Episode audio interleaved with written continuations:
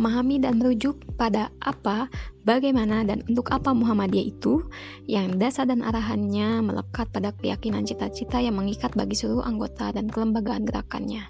Dalam pernyataan pemikiran Muhammadiyah abad kedua, dideklarasikan bahwa Muhammadiyah adalah gerakan Islam yang melaksanakan misi dakwah dan tajdid untuk terwujudnya masyarakat Islam yang sebenar-benarnya.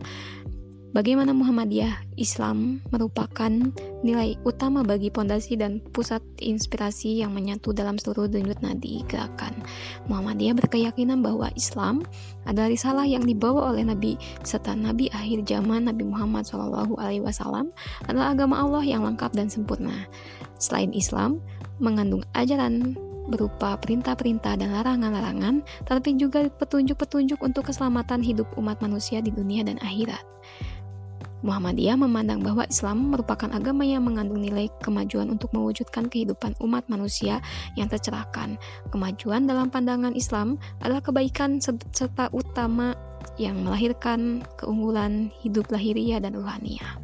Adapun dakwah tajdid bagi Muhammadiyah merupakan jalan perubahan untuk mewujudkan Islam sebagai agama bagi kemajuan hidup umat manusia sepanjang zaman. Dalam perspektif Muhammadiyah, Islam merupakan agama yang kehadirannya membawa rahmat bagi semesta kehidupan. Contoh konkret Islam berkemajuan yang diaktualisasikan dalam beberapa bidang seperti pendidikan, kesehatan, panti asuhan, dan sebagainya.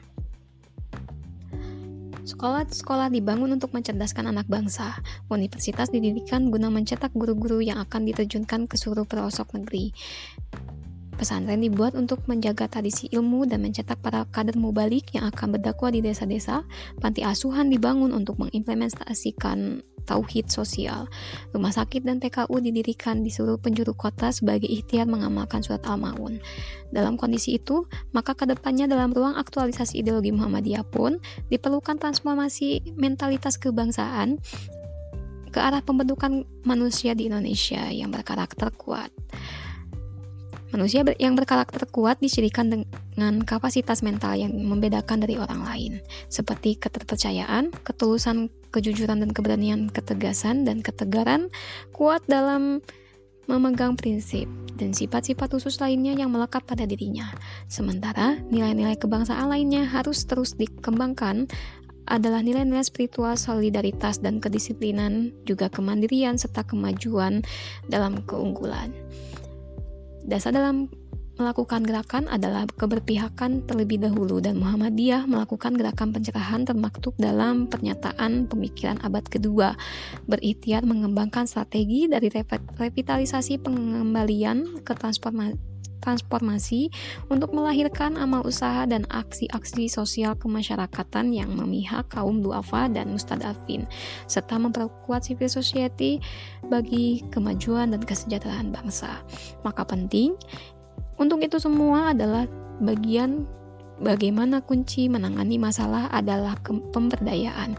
Pemberdayaan masyarakat dilakukan sebagai pengorganisasian masyarakat lewat konsolidasi di segala kelas sosial sampai menyentuh kelas paling bawah.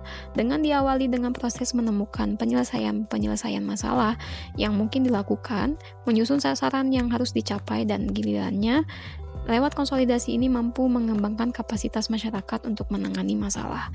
Tujuan utamanya adalah mewujudkan suatu perubahan sosial yang transformatif dengan berangkat dari apa yang dimiliki masyarakat yang bersangkutan.